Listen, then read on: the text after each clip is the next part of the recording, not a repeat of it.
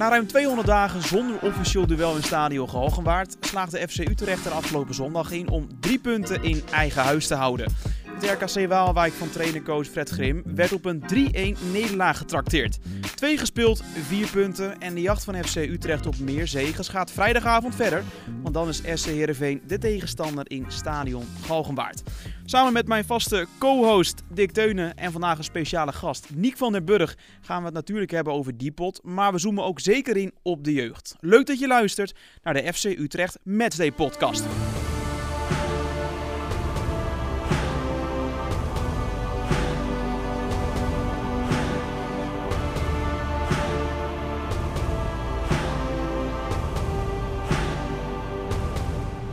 Ja, niet alleen Dick Teunen vandaag, maar ook Niek van den Burg. Dick, waarom uh, Niek van den Burg vandaag als gast?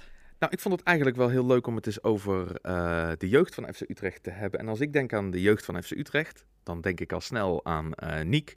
Iemand die ja, eigenlijk heel vaak rond ziet sjouwen op uh, Zoudenbach. Maakt eigenlijk niet uit hoe vroeg je er komt, hoe laat je er bent. En of dat nou op maandag, dinsdag, woensdag, donderdag, vrijdag, zaterdag of zondag is. Maar je kunt Niek er altijd treffen. Um, dus ik dacht, nou laten we die eens vragen om bij ons aan te schuiven. Ja, Niek, voordat we hè, wat meer over jou te weten gaan komen. Allereerst de wedstrijd van zondag tegen RKC. Van wie heb je genoten? Van Otman Boussaid. Waarom? Ja, gewoon de, de, ja, de energie die hij in een wedstrijd uh, doet. En ik vind het juist leuk, Utrecht had jonge spelers. En uh, nou, ik denk Otman is ook, die kwam hier heel jong naartoe en is verhuurd. En nu, ja, hoe die dat dan oppakt op, in het eerste is hartstikke mooi. Ja, we gaan even luisteren naar Otman Boussaid. Want uh, ja, die heeft uh, behoorlijk wat uh, kilometers in de benen na zo'n wedstrijd tegen RKC Waalwijk. En daar is hij, zich, is hij zichzelf ook maar donders goed van bewust. Nee, ja, ik moet zo spelen. Ja, anders ja, ga ik in duel en ja, ik heb er geen zin in. Ik, ik, ga ze toch allemaal verliezen. Dus ik moet wel heel snel bewegen. En, en de, de eerste meters ben ik ook heel scherper in. Dus ja, ik moet eigenlijk zo spelen. Ja, die bewegelijkheid zorgt natuurlijk voor een stukje tempo in jullie spel. En het enige wat dan een beetje uitbleef was uiteindelijk uh, die kansen. Ben je ook bang geweest dat het vandaag mis zou kunnen gaan? Want ik bedoel, het kwam uiteindelijk ook tot een 1-1 stand. Ja, heel even wel. Heel even wel. Want we voelden gewoon, ik denk als je aan iedereen zou vragen van hoe, hoe zat je erin? Iedereen zat er lekker in. Alleen de goals kwamen niet. En als je kijkt, ja, dan, uh, dan heb je belangrijke spelers in het team. En dan praat ik over Gerano. Da, dan maakt hij een belangrijk 2-1. Dat we gewoon ja, de wedstrijd in ons handen hebben. En daarna maakt Sander uh, met, van een, met een mooie voor, voorzet van uh, Arzani en een mooie kopbal. Dan ja, is de wedstrijd gewoon gedaan. Dan, dat is wel heel mooi. Ja, dat was Otman Boussaid. Maar nu tijd voor jou, uh, Niek.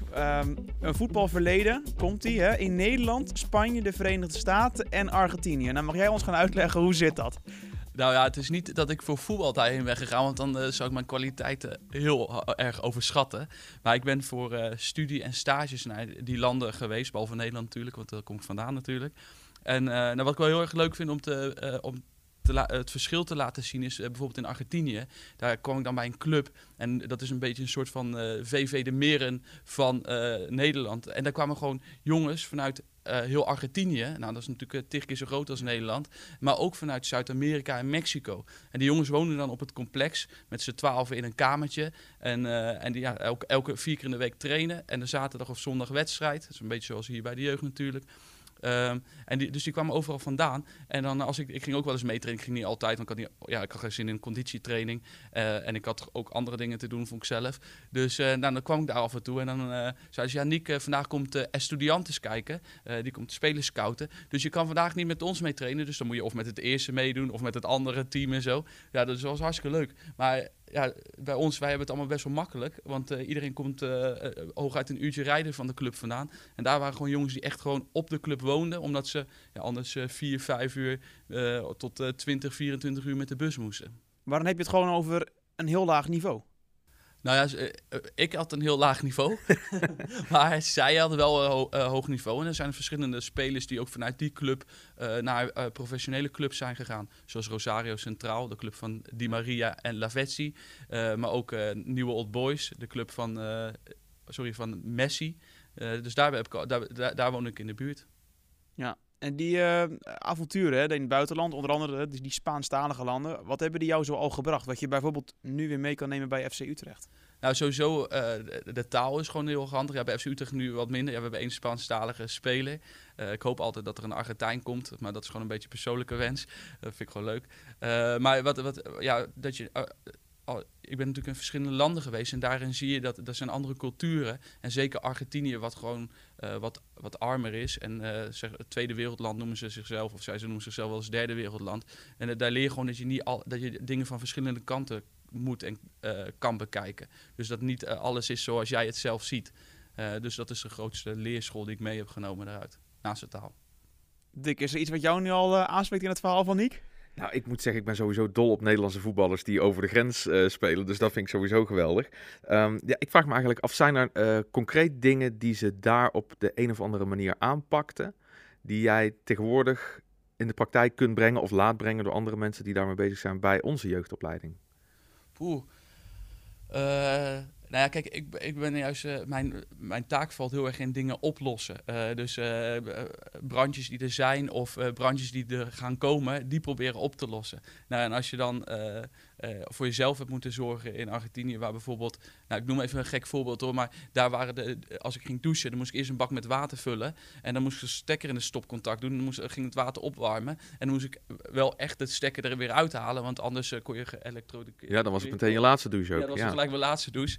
En, uh, ja, ja, en, en dan kon ik gaan douchen. Dus, dus daar allemaal niet. En, en wedstrijden en zo, die gasten moesten er allemaal zelf naartoe. En je eigen kleding. En ja, dus het is meer zo van, ja, we maken soms af en toe een beetje druk om. Hè? Dus dat, dat is het een beetje. Ja, want niet te willen overdrijven, maar hier worden dingen vaak goed geregeld. Ja, voor, voor, ook voor jeugdspelers. Denk je dat ze zich ervan bewust zijn dat het eigenlijk best wel bijzonder is dat het allemaal zo goed wordt geregeld? Nee, dat, ja, dat denk ik niet, maar dat is ook helemaal niet gek, want uh, ja, ze, hebben geen ze hebben geen andere maatstaaf daarin. Maar ja, bij de jeugd is het eigenlijk allemaal hartstikke goed geregeld. Een kledingpakket en een schoenenbon. En voor de bepaalde leeftijdscategorieën worden uh, vervoer geregeld of uh, OV-chipkaart als het ware. Dus we proberen ze echt wel goed in de watten te leggen, zodat ze uiteindelijk bij ons hier op het veld in de Stadion Galgenwaard staan natuurlijk. Dat is wel de bedoeling, hè? dat is wel de bedoeling. Ja, want als ik zo ook even kijk naar uh, hè, wat ik nu allemaal zo al van jou hoor, dan kunnen we dat omvatten als assistent manager Academie FC Utrecht. Ja, zo heet die functie inderdaad. Dus uh, dat is mijn functie, klopt. Ja, en je hebt natuurlijk nu al een paar, uh, hè, paar dingen weggegeven qua wat de taken zo al inhoudt.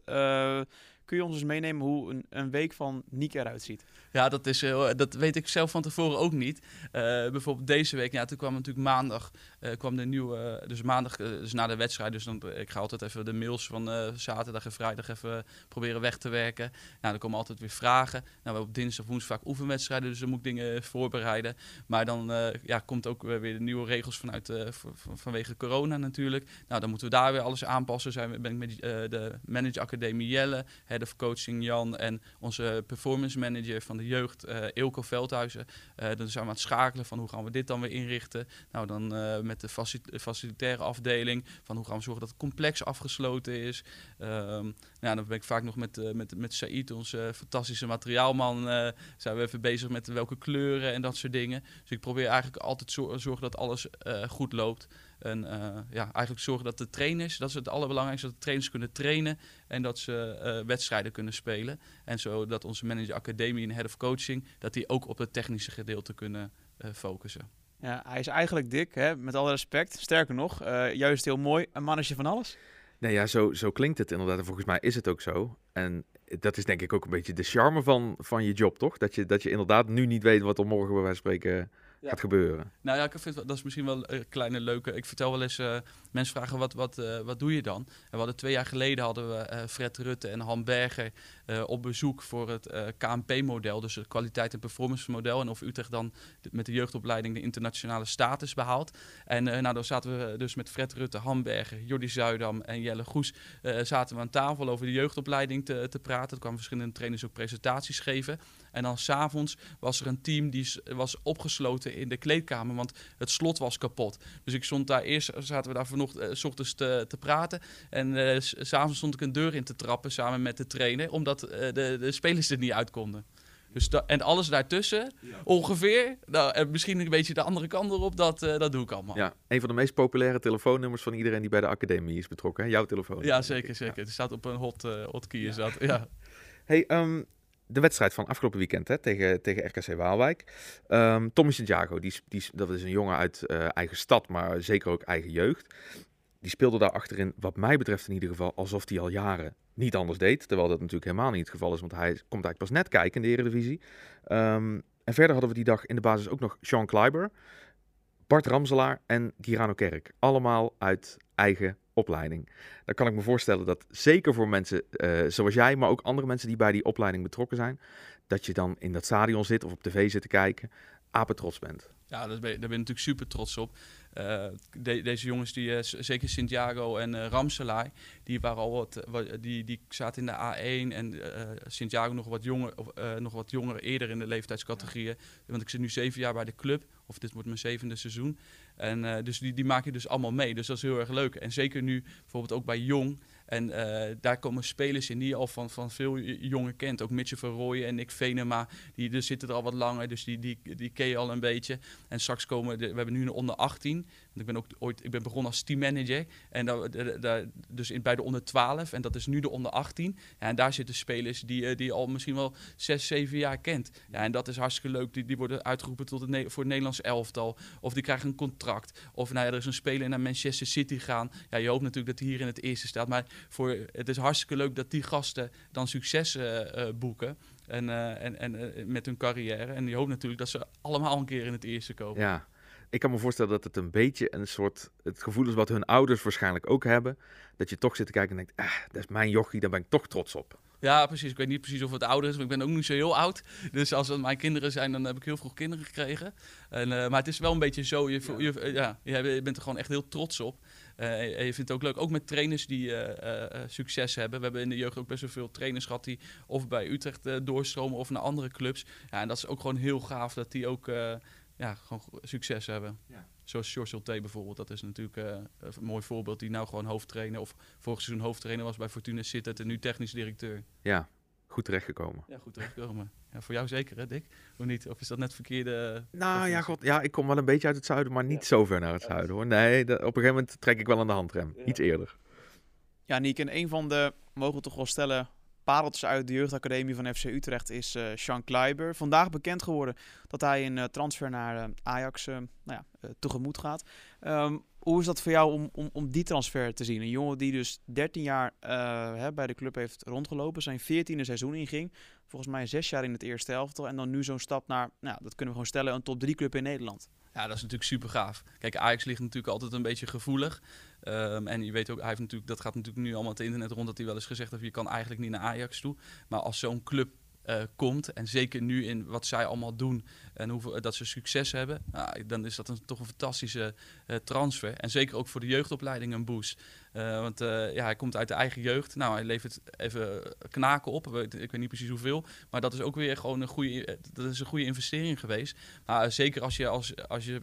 Er zijn trainers bij ons. Ik ken uh, hem niet persoonlijk, maar die hebben met hem gewerkt. En die zeiden, als ze het nou vertellen, ja, we kennen hem al van dat hij bij de onder 14 of de C2 zat. En uh, weet je wel, nou, dat is gewoon, dat is, dan heb je gewoon succes als, als opleiding. En dat geeft zo'n boost. Uh, dat is zo leuk. Ook toen Ramselaar toen uh, doorbrak, toen zat ik wel al bij de jeugd. En toen was het ook allemaal bij ons allemaal zo wat gaaf. En iedereen, daar word je, gewoon heel enthousiast van. En daarna verkocht naar PSV natuurlijk Ramselaar. Werd ook iedereen heel blij van. Dus uh, nee, voor Klei was het natuurlijk een fantastische stap. En ik denk dat wij als club er alleen maar trots mogen op zijn. Dat we aan de top 3 verkopen. Of misschien naar het buitenland bij andere spelers.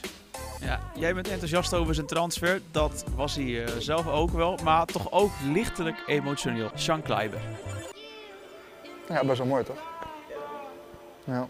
Kun je uitleggen waarom je het zeg maar zoveel deed? Nee, we hadden toen, uh, was wel, was wel mooi, was, Dick was trainer volgens mij met de play-off.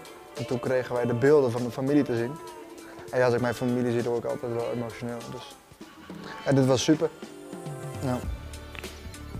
Ja, het hele interview met Jean Kleiber, dat kun je zien via youtube.com slash FC Utrecht. Ja, Niek, uh, Sean is natuurlijk hè, een, een, bepaald type speler. Nou ja, voldoet aan bepaalde eigenschappen die passen bij FC Utrecht. Waarom is dat denk je een succes geworden? En eh, hoe zien we nu de nieuwe Kleiber qua eigenschappen weer terug op Zoudenboog? Waar voldoe je dan aan? Een FC Utrecht Academy speler? Nou ja, kijk, eh, ik zit niet echt voor de voetbaltechnische eh, dingen bij Utrecht. Maar eh, ja, wij willen. Kijk, Utrecht heeft natuurlijk bepaalde verwachtingen van spelers, hoe ze zijn. En ik denk dat Kluiber daar wel een, mooi voorbeeld is. Net zoals uh, Stijn Vreven bijvoorbeeld vroeger, weet je wel. Maar wij willen graag dynamische spelers die. we noemen dat geboren aanpassers, die eigenlijk elke situatie uit de voeten kan. Nou, het spel gaat natuurlijk heel snel nu met veel omschakelen. Ja, en dat, dat, dat soort type spelers vinden wij heel erg mooi om uh, bij de jeugdopleiding te hebben. Maar we hebben ook, uh, ook parel. Ik, vind, ik, hou, ik geniet ook wel van die kleine dribbellaatjes en dat soort dingen. Dat vind ik ook altijd wel mooi. Dus uh, gewoon een goede mix daarvan. En ja, je moet een keer komen kijken, dan zie je van alles rondlopen. Ja, want wat is eigenlijk, want je hebt bijvoorbeeld het eerste elftal, wil op een bepaalde manier spelen. Is het ook zo dat de, de jeugd probeert op diezelfde wijze te spelen, of is het wel een eigen manier? Nou ja, dat is natuurlijk. Kijk, wij hebben daar wel uh, ook over gehad en over nagedacht. En vroeger gebeurde het wel dat als het eerst, uh, ik noem het maar even, in systemen speelde 4-3-3, dan moest de jeugd ook 4-3-3. En als ze dan met de nummer 10 speelden, dan moest ze ook met de 10. Maar we, ja, we hebben bedacht van ja, uh, de, de, trainers wisselen best wel snel. Zeker in de afgelopen seizoenen. Dus als je dan elke keer gaat, gaat aanpassen aan de opstelling, ja, dan is het, ook, is het ook verwarrend. En daarnaast vinden we dat de jeugdspelers verschillende formaties of opstellingen of spelprincipes mee uit de voeten moeten kunnen. Dus uh, daarom hebben wij niet echt bepaald van uh, elk team moet zo spelen. Dus we kijken naar het team en we kijken waar de kwaliteiten zitten. En da daarin maken, ze, maken de trainers in samenwerking met de, de managers uh, de opstellingen en de formaties en de, dat soort dingen. Dick, wat is eigenlijk jouw favoriete voetbaldag van de week? Ja, die van mij eerlijk gezegd, ik heb toch wel een zwak voor die vrijdag altijd, moet ik je heel eerlijk bekennen. Als, we dan zo, als je dan zo de werkweek erop hebt zitten, je komt dan thuis, het koelkastje open, komt er een lekker biertje uit tevoorschijn, plop je die open, dan zet je bijvoorbeeld Fox op en dan komen er allerlei wedstrijden uit de keukenkampioen-divisie voorbij, met vaak ook nog een wedstrijd uit de eredivisie. Daar kan ik RKC Waalwijk wil ik dan ook nog wel eens naar kijken. Nee, maar daar kan ik heerlijk. Ja, dat vind ik heerlijk. Ja. Maar ik heb begrepen dat jouw lievelingsdag van de week, Niek? Dat is toch wel zaterdag? Ja, zeker zaterdag. Ik ben niet zo van het vroege opstaan. Uh, en, uh, maar zaterdag dan sta ik bij wijze van spreken al naast, naast mijn bed voordat de wekker gaat. En ja, dan hebben wij op, de, op het jeugdcomplex hebben wij alle wedstrijden. En ja, dat is fantastisch. Want we, we laten het een beetje van, van jong naar oud. of oud, ze zijn natuurlijk niet echt oud. Maar van jong naar oud laten we het op een dag oplopen. Dus rond half negen uur, half negen komen de jongsten. die ook nog af en toe een snottenbelletje en een vetertje hebben, weet je wel. En, en dan gaat het zo naar, naar jongvolwassenen eigenlijk al. Met, waarin je soms de onder 14 en 15, de gasten zijn 13, 14. Nou, dat, die zijn al bij, eerst keek je naar beneden naar ze en nu moet je ze omhoog kijken om ze recht in het gezicht aan te kijken. En uh, ja, dat is, dat is fantastisch. Je ziet alles hier voorbij komen. Je ziet uh, superveel emotie, dus door, door succesbeleving, maar ook omdat ze wel eens verliezen. Ook wij verliezen wel eens, zou je niet verwachten. ja, en, en, maar ook spelers die teleurgesteld zijn omdat ze niet gespeeld hebben, of spelers die omdat ze ingevallen zijn en heel goed gespeeld hebben. Ja, dat is, ja, dat is gewoon echt fantastisch en dat is hartstikke leuk. En ja, zo'n dag gaat eigenlijk altijd zo voorbij. Uh, en soms, ja, je bent, je bent de hele dag bezig. En we hebben ook nog amateurverenigingen, dus ben je ook nog, of tenminste op het complex. Dus daar ben je ook mee bezig, met, met schakelen. En dat dus maakt het altijd hartstikke gezellig. Dus nee, dat is zeker mijn favoriete dag van de week. Ik kan me zo voorstellen dat het op zo'n zaterdag leuk is om te zien dat je jonkjes hebt, maar ook hè, jongens inderdaad, zoals je zegt, die al jong volwassen zijn en die tegen het, hè, het selectieniveau aanzitten. Is het ook zo dat hoe ouder jongens worden, hoe leuker het is? Omdat dan inderdaad, uh, nou ja, uh, kenbaar gaat worden of iemand wel of niet het betaalde voetbal kan halen? Ja, dat is een goede vraag. Uh, of het per se leuker wordt, is het niet altijd. Want bij de, kijk, bij de jeugd, zeg maar tot de onder 12, ja, dan, dan speelt bijna iedereen evenveel minuten. En dan is het nog eigenlijk echt lekker met z'n allen op zaterdag voetballen. En uh, nou ja, als we, dan, daar stimuleren we dus om zoveel mogelijk trucjes bij wijze van spreken te proberen. Ja, en bij de onder 13, 14, 15 wordt het al wat minder. En dan bij nog ouder gaat het toch wel serieus omdat dat de punten gehaald worden. Vanaf de onder 16 willen we gewoon elke wedstrijd echt winnen. En er worden ook spelers op uh, geselecteerd en er zijn ook spelers die dan daardoor uh, misschien wel uh, een paar weken achter elkaar niet spelen. Of misschien vijf minuten mogen invallen. En dat is niet altijd leuk, omdat je natuurlijk, uh, ja, het zijn allemaal gewoon kinderen. En je gunt ze eigenlijk allemaal het beste. dus dat is soms wel voor, voor de jongens natuurlijk ook lastig. Maar zelf voor, voor de trainers, maar ook voor ons. Wij kennen ze allemaal. Dus je gunt iedereen het, het succes. En maar ja, degene die succes hebben, die, dat is natuurlijk ook leuk als iemand een hat scoort of uh, ja, geweldige pot keept. Ja, daar word je natuurlijk super trots op en dat is hartstikke leuk. Ja, nou, mooi woorden inderdaad over de jeugdacademie, over de zaterdag, over de echte jonkies en de mensen die bijna uh, hè, rijp gaan zijn voor uh, selectieniveau van FC Utrecht. Uh, toch is de wedstrijd van vrijdag waar we het even met jou over willen gaan hebben. Um, pot tegen SC Heerenveen, wat verwacht je van dat duel? Ja, ik ben, ik ben naast dat ik bij voor Utrecht werk, ben ik ook gewoon Utrecht-fan. En kwam, was ik al, toen ik zes of zeven was, ben ik in mascotte geweest. Uh, ik ga wel even uitwijken nu, hè? dat mag wel. Ja, dat mag zeker. Sorry, ja. Het, daar, daar, speelde uh, Michael Mols speelde toen mee. Ik zat op de bank met Rudy Jansen, dat zijn nu allebei collega's. Steven Posma stond op de goal, daar ben ik ook collega van. Nou, John Verloen speelde toen en Rob Witsche volgens mij. Ja, dat, zijn, dat zijn geen collega's nu, maar... en bij de tegenpartij stond Hans van der Haarden, zat op de bank. die heeft hij ook gezeten. Heb ik, ik heb zijn zoontje in het team gehad. dus ja, dat is wel heel erg leuk. en, en, dus ik ben echt fan, dus ik ben ook heel positief positief. En ik denk ook gewoon dat we gewoon weer gewoon, uh, gaan winnen natuurlijk. Dus uh, ik hoop dat gewoon ook. Dus uh, ik weet niet wat de uitslag precies gaat worden. Ik zeg altijd 3-1 of 3-0, dat is lekker makkelijk. Ja. Nu hebben we met bijvoorbeeld hè, een VVV Venlo en een RKC Waalwijk twee ploegen getroffen die nou ja, een beetje stug spelen. Hè, die weten, ja, FC Utrecht is voetballend gezien wel beter. Je gaat nu spelen tegen een Heerenveen. Uh, gaan we het zo meteen nog uitgebreid over hebben, Dick. Uh, ook wij. Ja, natuurlijk. Uh, Heerenveen die ehm, nou ja, het best wel van, ook van het voetballende vermogen moet hebben. Met onder andere eh, Joey Veerman. Denk je dat dat makkelijker of juist moeilijker, dus een uitdaging wordt voor FC Utrecht? Oeh. Ja, kijk, het is denk ik voor Utrecht met de, als Kerk er nog is, met de snelheid uh, die die heeft tegen een voetballende ploeg makkelijk, omdat er dan meer ruimte komt. Als zij ook het spel gaan maken. En uh, eh, RKC gaat natuurlijk een beetje ja, ingraven. En dat is, ja, dat is gewoon wat lastiger. Dus ik denk voor Utrecht zijn spel dat het makkelijker is als, als de andere ploeg ook gaat voetballen. Omdat er dan achter de verdediging ruimtes komen. Met ja, spelers die Utrecht heeft, is er veel diepgang. Dus ik, ja, maar ja, het is ook een lastige ploeg, want ze hebben ook gewoon hele goede voetballers, Heerenveen. Ja, daar gaan we het zo meteen nog over hebben. Dat voor jou is natuurlijk uh, puur intuïtie. Maar Dick heeft, als het goed is, uh, nou ja, ook feiten erbij uh, verzameld. Ook nog, inderdaad. En eigenlijk um, ondersteunen die wel een beetje wat Niek net uh, vertelde. Um, als je bijvoorbeeld kijkt naar de, de thuiswedstrijden van FC Utrecht tegen uh, Heerenveen, en dan reken ik even alle competities mee. Dus dat is dan Eredivisie, maar ook uh, play-offs, waar we ze natuurlijk de afgelopen jaren ook nog wel eens getroffen hebben. Um, de afgelopen 17 keer dat SC Heerenveen hier in Stadion Galgenwaard op bezoek kwam, lukte het FC Utrecht om tenminste één goal te maken. Um, dus nou, dat sluit wel een beetje aan op wat jij net zegt, hè, Niek. Dat uh, SC Heerenveen een ploeg is die zelf toch graag ook wel de aanval opzoekt. En daarmee tegelijkertijd achterin soms ook wel wat ruimte slaat. En daar zou je dan wel eens gebruik van kunnen maken. Um, de laatste vijf keer zelfs dat FC Utrecht thuis speelde in officiële wedstrijden tegen SC Heerenveen, Eredivisie en Playoffs, heb ik het dan over. De laatste vijf keer FC Utrecht steeds gewonnen.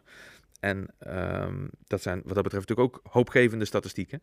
Um, verder wat een opmerkelijk statistiekje eigenlijk wel is, vind ik, is dat van de laatste acht goals die FC Utrecht maakte in officiële wedstrijden, zijn er zeven gescoord in de tweede helft. Dus op de een of andere manier hebben we een klein beetje een soort dieseltje, kennelijk. Maar uh, er is niks mis met een goede diesel, zeg ik dan op mijn beurt.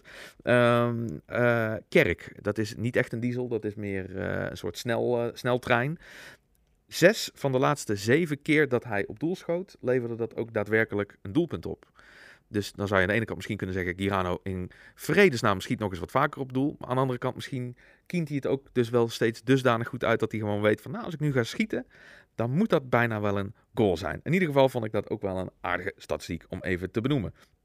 En uh, om dan weer eventjes terug te gaan van, van de keiharde, koude statistieken naar het echte warme, menselijke. Um, we hebben natuurlijk vorige week uh, FC Utrecht RKC Waalwijk gehad. Dat was voor mij wel een bijzondere wedstrijd, omdat ik al jarenlang werkzaam ben uh, voor FC Utrecht, maar vanuit huis uit eerlijk gezegd toch wel een beetje een zwak heb voor RKC. En eigenlijk zitten we hier nu met een soortzelfde situatie, uh, Corné. Want ja, SC Heerenveen, dat is toch het clubje waar jij als kleine, kleine Corné nog uh, vaak over de vloer kwam, toch? Ja, Nee, zoals iedereen door een vader of een moeder of een buurjongetje wordt meegenomen naar het stadion, was dat voor mij het Abelensa stadion.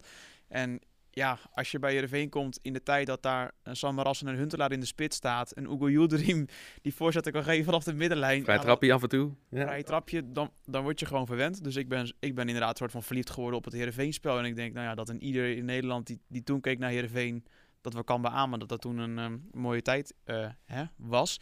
En dat is eigenlijk in de jaren die erna volgden ook wel eh, geweest. Hè, met, met Alfonso Alves natuurlijk.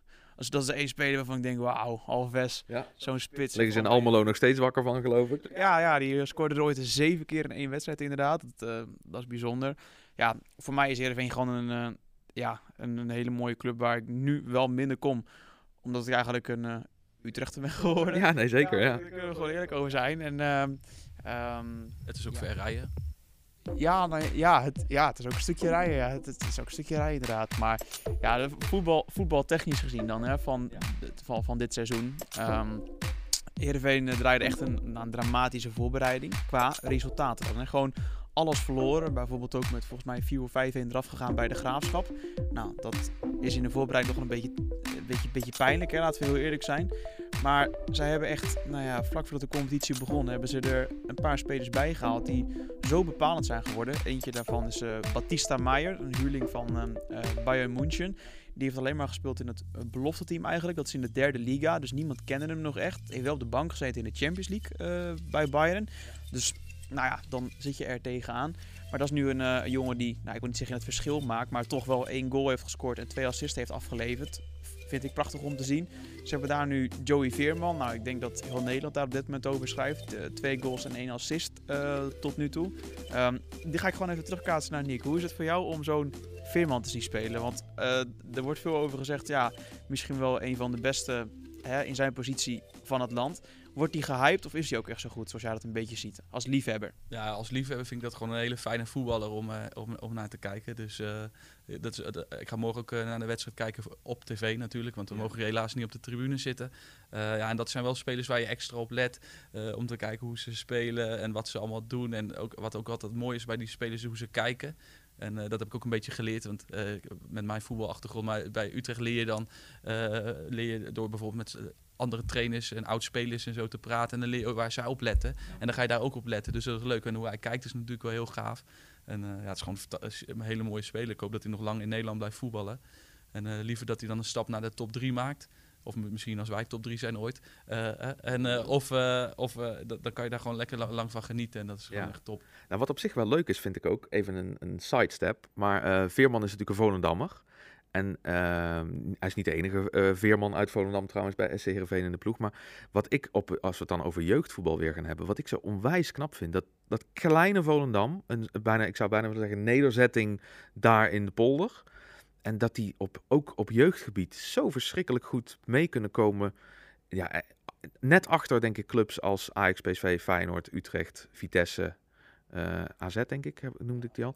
Maar net daarachter, eh, heb jij vaak met ze te maken in, in, zeg maar, in jouw werk ook? Ja, kijk, ik ben, nog, ik ben teammanager ge- geweest vier jaar bij de jeugd. En eh, wij oh, moesten... echt waar? Bij, Vo bij Volendam Nee, ook? bij Utrecht. Nee, oké, ja, Ja, ja, ja. nee, hallo. eh, ik- ja. En, maar we moesten natuurlijk vaak tegen Volendam. En dat waren toch... Die hebben echt wel af en toe echt hele stugge ploegen erbij zitten. Waar gewoon heel lastig tegen voetbal is. En ook gewoon kwaliteit hebben.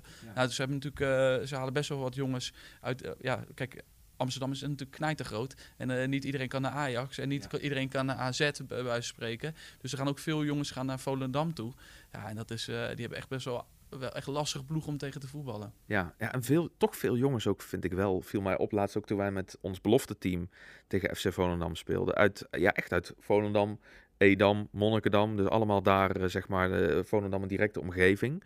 Dat, dat, ja, ik heb daar toch altijd wel bewondering voor in ieder geval. En kennelijk weten ze in Heerenveen ook precies, eh, ja, dat ze daar goede, goede spelers hebben. Want daar hebben ze dus inderdaad ook die Veerman eh opgeduikeld. Hè? Ja, sommigen opgeleid eh, bijvoorbeeld door FC Volendam. Hè? Of nee, opgeleid. Ja, zo kunnen we dat wel stellen. En later bij Heerenveen terechtgekomen. Maar eentje die ze toch echt vanaf volgens mij 12, 13-jarige leeftijd zelf hebben opgeleid. Misschien, uh, Niek en jij me ook wel. Arjan van der Heijden. Ja, sorry, maar ik ben echt heel slecht in, uh, in namen onthouden uh, van, van de tegenstanders. Dus uh, ja, dat is, we hebben wel eens met de jeugd spelen we dan. Zijn er ook wel jongens die nu al doorbreken of weet ik veel wat. En dan vraag ik altijd aan de spelers die dan nu bij ons neergezet hebben wij daar eigenlijk tegen gespeeld? Weet je wel, dat soort dingen. Maar ja, ik vind het al, ik let meer op mijn eigen spelers. en dus, dus, ja, nee, ik, ja, misschien, ik zal ongetwijfeld met, met, de, met wat nu de onder 18 eens een keer tegen gespeeld hebben. Of misschien zijn net één jaar ouder.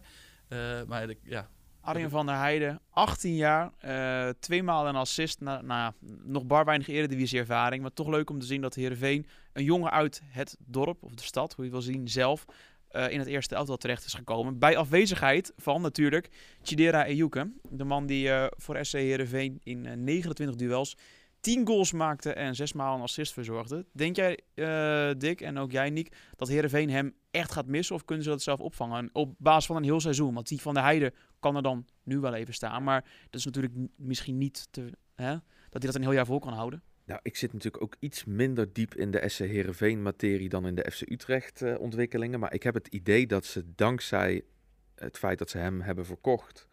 Uh, de ploeg op allerlei posities eigenlijk uh, wel flink hebben kunnen versterken. En dat ze daarmee ook ja, eigenlijk die omslag teweeg hebben gebracht van, van sportief, qua resultaten in ieder geval, geen goede voorbereiding. Ze zijn hier in Stadion Galgenwaard kunnen we rustig denk ik benoemen ook. Daar hebben ze een behoorlijke klets van ons gekregen, ook in een, uh, in een vriendschappelijke wedstrijd. Uh, maar toen deed Ejuke nog wel mee bij SC Heerenveen. En waren er een aantal anderen niet bij die ze nu wel hebben. Een Poolse verdediger. Uh, die schijnt ja, die schijnt wel uh, een impuls te hebben gegeven. Nou, ze hebben die Batista Maier dan gehad. Die heeft trouwens wel eens ooit Bundesliga gespeeld. Hè? Eén wedstrijdje al. In het eerste van Bayern München. Dus dat, nou ja, dat is allemaal denk ik dankzij het feit dat ze die Ejuke hebben verkocht. Dus zo werkt het in het voetbal dan ook weer. Je laat er één gaan en daardoor kun je weer wat andere aantrekken. En um, ja, dat, dat ziet er nu toch wel aardig uit uh, eigenlijk. Hè? Drie gespeeld, drie gewonnen.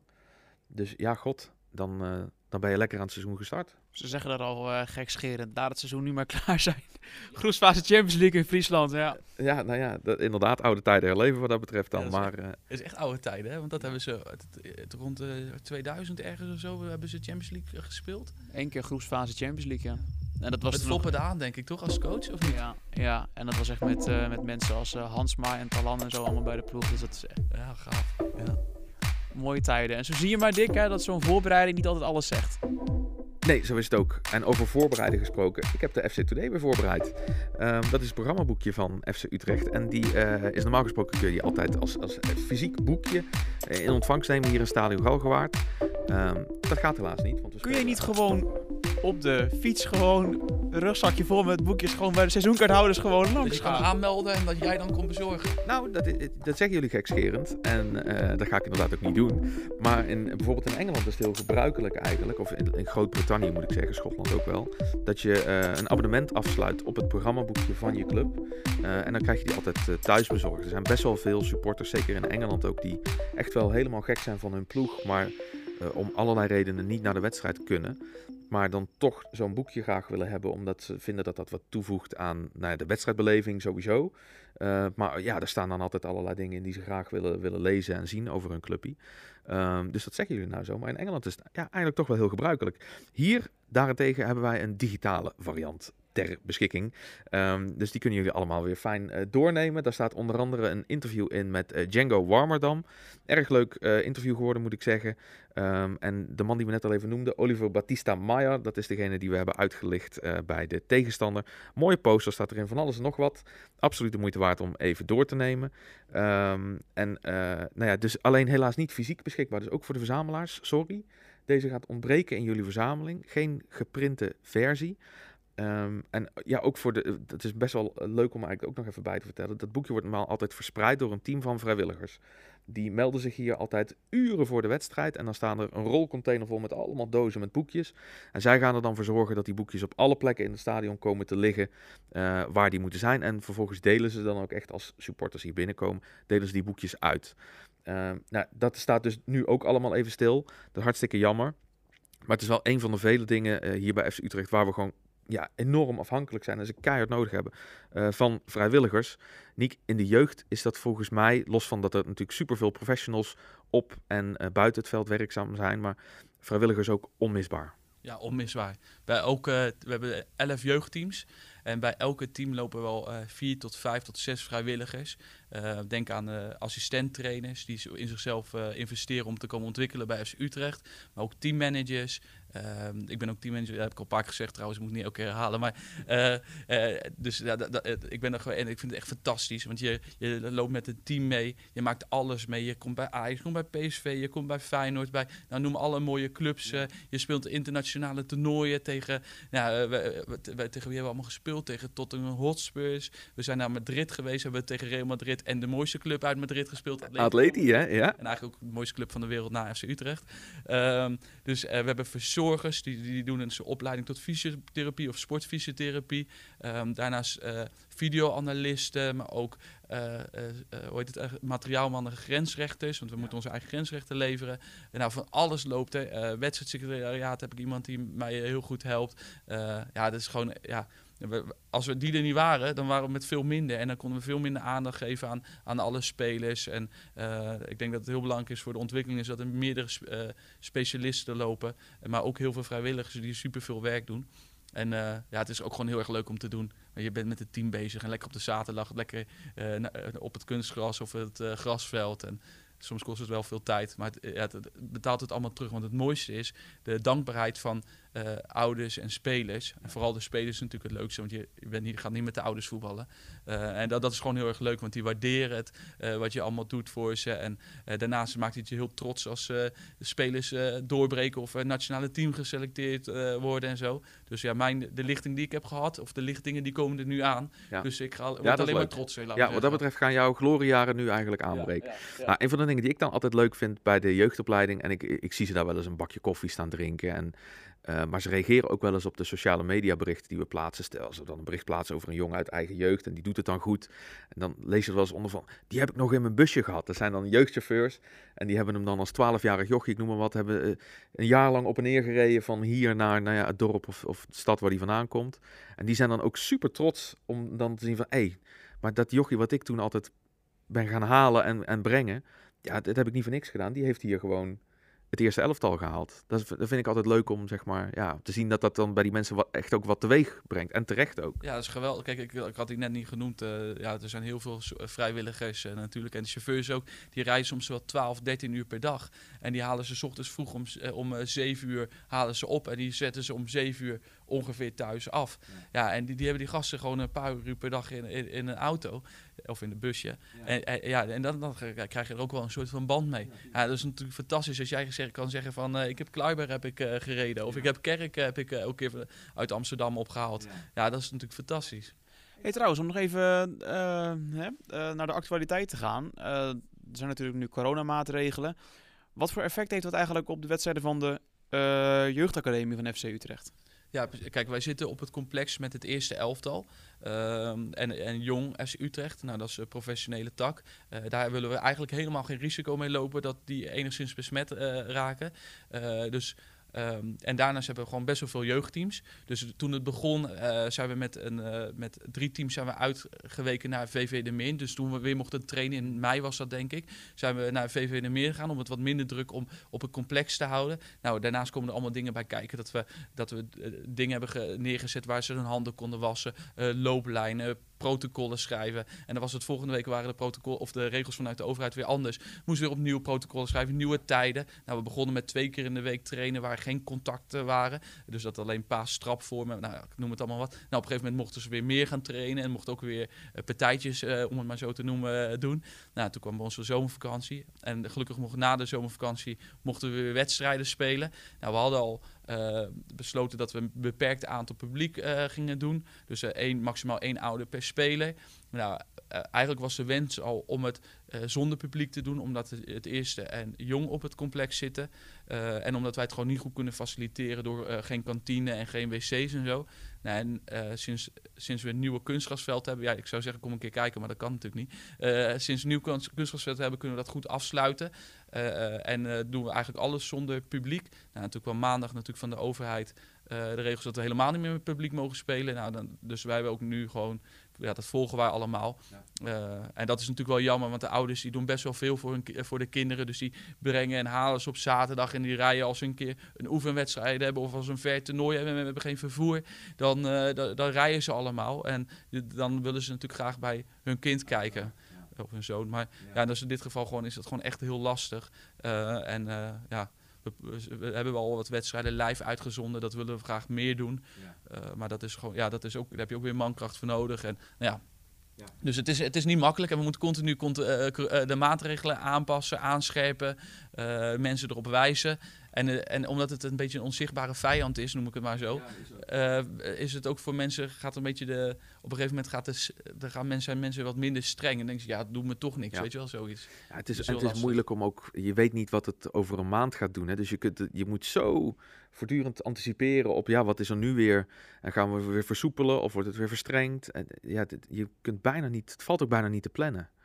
Dat maakt het ook nog eens heel lastig om het allemaal in te richten natuurlijk. Dat geldt hiervoor voor eh, de wedstrijd ook natuurlijk. We, ja, we waren al bezig met een hele procedure van tickets. En er zouden dan bepaalde mensen, die zouden bepaalde plekken mogen... Ja, dat zet je dan allemaal in gang met de kennis van dat moment. En, en ja, een week of twee later kun je, kun je bij wijze van spreken allemaal weer terugdraaien. Zo- zondag was ik ook naar de wedstrijd eh, gegaan hier. Nou, dat was echt perfect voorbereid eigenlijk. Hè? Alles, alles liep goed. Ik denk, nou, hier kan je best wedstrijden eh, bezoeken op deze manier. Eh, je komt niet bij mensen in de buurt. Ja, je, je moet ook natuurlijk wel enigszins zelf opletten en nadenken. Eh, Maar dan moet je bij de supermarkt ook en bij de apotheek. Precies. En je zit allemaal van elkaar af. Je zit allemaal buiten. Dan denk je, dat kan bijna geen kwaad. Maar toch, ja. En dan heb je, maar de, wat, wat ik er naartoe wil, is dan heb je als team heb je dat helemaal voorbereid. Dus we hebben hier mensen die hebben echt knijten voor uren gedraaid om alles tot in de puntjes te regelen. En dan blijkt dat eigenlijk voor één wedstrijd en dan de oefenwedstrijd tegen Heerenveen als testfase. Ze zijn geweest nu mag dat even voorlopig niet. Dus dat is natuurlijk wel heel vervelend en lastig. Ja.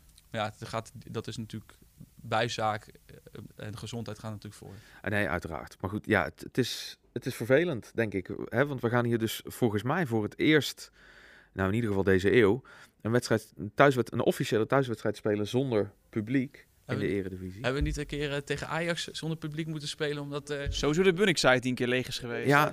een hele wedstrijd zonder publiek. Dat kan of Europees voetbal zijn Zou, is dat te- tegen Gili- Gilina? Oh, dat is, zo- ja, dat, ja, dat, zover heb ik niet. Ja, dat was één wedstrijd zonder publiek. En eh, toen hadden ze... Oh ja, ik zit naar het stadion te wijzen. Maar hadden ze op de tribunes hadden ze een soort van spandoeken gemaakt met, eh, met publiek, volgens mij. En dan zag je gewoon... Zag je, zag je gewoon... Ja, spandoek met... Je had het bij FC Eindhoven eh, vroeger standaard achter de goal hangen, in ieder geval. Achter Maar dat was de andere redenen, denk Ja, ik. dat had andere redenen. Ja, dat zijn natuurlijk allemaal eh, hè, eh, interessante dingen om met z'n allen over te spreken. Hoe is het eh, toen, hoe is het nu en hoe gaat het worden? Eén ding waar ik heel nieuwsgierig naar ben, Nick. Je bent toch wel een beetje een avonturier. We begonnen aan het begin van deze episode al over. Argentinië, Amerika, Spanje. Nu natuurlijk in jouw getrouwde Nederland. Utrecht wel te verstaan. Ehm, is het aannemelijk dat jij nog een keer hè, bij Atleti, hè, jouw geliefde club, bijvoorbeeld iets gaat doen? Of, ik- Begint al te glunderen. Buitenland iets. Ja, dat is natuurlijk, lijkt me hartstikke gaaf om eh, weer zo'n avontuur te gaan. Dat is, weet je, dat, eh, als je dat eenmaal me- mee hebt gemaakt, dan, eh, dan, ja, dan, eh, ja, dan wil je dat dan natuurlijk vaker doen. Maar bij FC Utrecht beginnen was eigenlijk al een avontuur, want ik ben als vrijwilliger begonnen en nu ben ik in dienst. Dus eh, dat is ook een avontuur. Het hoeft niet per se naar het buitenland. Maar wat wel heel erg leuk is aan het buitenland, leer je even een andere cultuur, soms een andere taal. Eh, het is even ander eten. Het gaat allemaal net even weer anders. Dus het is even een ja. En eh Atletico is natuurlijk mijn eh, droomclub. Maar ja, eh, ik zal niet zeggen van, eh, zoals sommige mensen zeggen van, eh, ik ga niet naar Ajax, weet je wel. Maar als Real Madrid zou komen, eh, dan ben je natuurlijk gekke Henkie als je het niet doet. Dus eh, nee, ja, het zou, misschien wel, maar je weet niet hoe, hoe het allemaal loopt natuurlijk. Dick, zou jij het willen? Gewoon eh, hè, manager media van, eh van Atleti? Nou, ik moet zeggen dat mijn eh, talenknobbel niet dusdanig is dat dat eh, mij verstandig lijkt. In mijn vakgebied sowieso is werken met taal wel eh, heel belangrijk. En dan moet je wel zo enorm goed zijn in de taal waar je mee werkt. Ehm, ja, anders dan is dat niet te doen. Dus voor mijn job absoluut niet te doen. Tenzij ze in Atletico Madrid graag Nederlandse verslagen willen lezen. Maar daar Ja. kan ik me niks bij voorstellen. Maar als je dan een droomclub zou hebben om het te werken, want dat is natuurlijk ook... eh, want na een RKC ben je natuurlijk naar FC Utrecht gegaan. Dat was natuurlijk al jouw droomclub FC Utrecht eigenlijk, hè? Nee, maar dat, dat was absoluut. Dat En, was eh, en maar zeker. Je eh, nog een andere club? Een, een, een, laat me zeggen, noem, kijk, ik noem Atletico eh, als eh, laat me zeggen, wereldtop. Maar misschien heb jij wel een club waar je ooit... Ja. dat, de mensen die dit nu luisteren zien het niet, maar jij ziet het wel. Ik zit heel hard na te denken, wat zou dat dan zijn? Dat zou dan wat mij betreft iets in Engeland of Schotland mogen zijn. Ehm, Ik vind jou wel iemand voor Glasgow Rangers of zo, zo'n zo'n type club. Bijvoorbeeld. Ja. Ik denk dat ik ook, ja, qua met ha- mijn haarkleur en zo gaat het allemaal prima daar. Ik denk dat ik daar wel goed in, in pas, ja. Dus laten we dat dan maar doen. Ja. En jij Corné dan? Want de Heerenveen is natuurlijk eh, vanuit... Maar, en ASV Dronten is natuurlijk een voorliefde heb je, of niet? Zo, jij weet veel. Ja, ik weet veel. hè. Maar eh, buitenlandse club dan?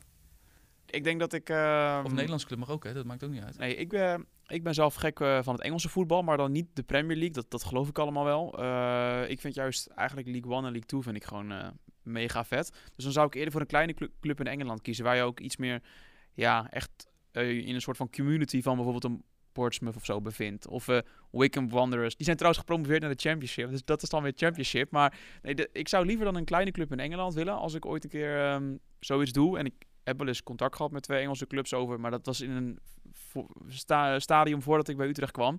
eh, over een soort van stages. Traineeships, hoe je het wil noemen.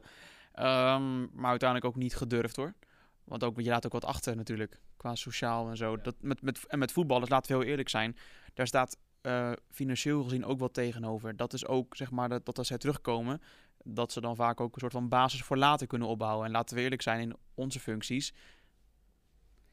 Nee, dan moet je het, dan moet je het doen voor de, voor de kick en de uitdaging. En, en verder op je loonstrookje verandert er waarschijnlijk niet zoveel. Nee. Behalve de pond of door euro teken. Ja, is er iets, eh, Nick, dat jij nog bij ons kwijt wil? Nee, ja, ik, ik vind het superleuk om hier een keertje te zijn en eh, een beetje de jeugdopleiding te kunnen eh, belichten. Ik vind het ook heel erg leuk eh, dat we, we doen nu af en toe social media, Instagram stories van de jeugd. Nou, en ik denk dat dat, als je nu niet mag komen kijken, dat dat wel heel goed de sfeer weergeeft van hoe het op zo'n dag aan toe gaat. En wat voor vreugde, maar ook wat voor andere emoties je allemaal meemaakt. Dus ik, ik hoop dat jullie weer een keertje, een keertje daarin langskomen om dat te doen. Even om de druk erop te leggen natuurlijk.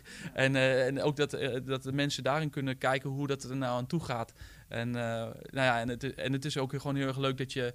Dat, nou, we hebben zo'n trouwe Facebookgroep met jong FC Utrecht volgers.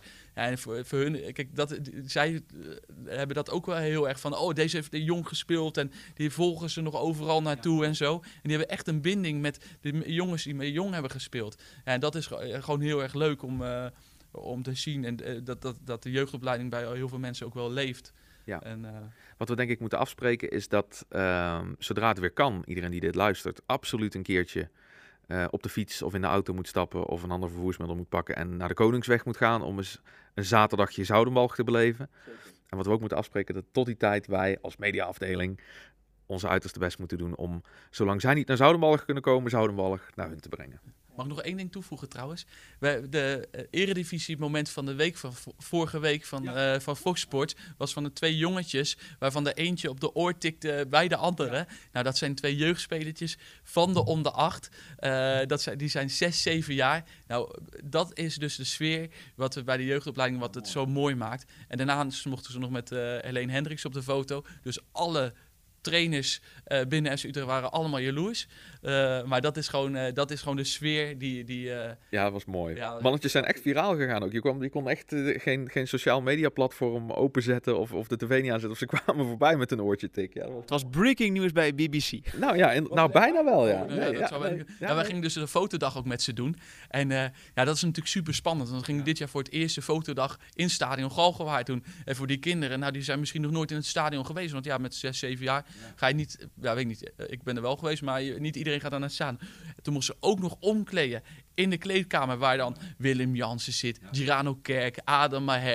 Nou, die gasten kunnen net lezen. Dus ze zaten allemaal te kijken van eh, wie er dan Welke op en namen staan er op de lockers? Ja, mooi. Nou, dan het veld op. Nou, de- die gasten kunnen, kunnen niet stilstaan, want het is natuurlijk allemaal fantastisch. Ze hebben, ja, dit is voor de groundsmen trouwens niet helemaal goed om te horen, maar eh, slingen gemaakt naar de Bunnik-site, eh, slingen gemaakt naar de hoofdtribune. ja, ik zag de beelden voorbij komen. ratslag, geen slidings, geen slidings. Maar voor de rest hebben ze alles gedaan. En dat, is gewoon, dat is, maakt het elke keer een feestje om eh, met jeugd eh, in de jeugdopleiding te werken. Want die hebben gewoon zo'n leuke belevingswereld. En eh, dat filmpje vind ik daar een heel mooi voorbeeld ja, van. was het ook. Klopt. Niek, is er een, eh, een speler of een collega of Zoudenbach, een supporter, wat dan ook, iets of iemand waarvan jij denkt, hé, maar daar moeten jullie mee of over gaan spreken in deze FC Utrecht Matchday podcast? Oh, goeie. Ja, ik zei ne- net al zei ik al eh, Ferdi Vierklauw. Eh, dat is gewoon, dat is, eh, vind ik een hele interessante eh, persoon. Want naast dat hij gewoon heel gezellig kan kletsen, heeft hij echt heel veel verstand van voetbal. Maar hij komt ook uit de jeugdopleiding van FC Utrecht. En dat is heel erg leuk. En hij heeft een super mooie carrière gehad. Hij is, voor, hij is na, na Utrecht is hij naar Vitesse, dan voor veel knaken verkocht aan Tenerife. Echt een groot bedrag voor die tijd ook. En vanaf Tenerife is hij nog, heeft hij bij Ajax gespeeld. Hij heeft met Ibrahimovic gespeeld, met Snijder van der Vaart. Ik moet het andersom zeggen, ze hebben met hem gespeeld. Precies. En, en, en nu is hij jeugdtrainer bij Utrecht. Ja, ik denk dat dat gewoon, ja, dat is gewoon fantastisch eh, eh, om, om zijn carrière te horen, maar ook gewoon hoe hij over voetbal denkt en zo. En eh, ik denk dat da- dat een hele mooie uit de jeugdopleiding is om eh, een keertje hier aan tafel te hebben. Dick, jij hebt zijn nummer wel, hè? Ja, die gaat op het lijstje. Die, die kan binnenkort een belletje van me verwachten. Ja. Ja, dan ben je wel lang bezig. Hij kletst wel gezellig veel, dus eh, dat is alleen maar leuk. Nou, dat gaat denk ik wel goed komen. In ieder geval, eh eh, Niek, jij bedankt voor je komst en eh, heel veel succes met wat je vandaag dan ook maar gaat doen. Ja, nee, we gaan zien wat op het pad komt vandaag. Hè? en eh, jullie ook hartstikke bedankt. Ja, en ehm, eh, de luisteraar natuurlijk ook bedankt. Goh, wat zijn we toch allemaal lief voor elkaar. Voor het luisteren naar de FC Utrecht eh, Matchday podcast. Ehm, ja, helaas geen wedstrijd in Stadion Galgenwaard met publiek, maar dus zonder publiek. Wel te zien, zoals Dick volgens mij net al benoemde, eh, via Fox Sports uiteraard. Bedankt voor het kijken en heel graag tot de volgende.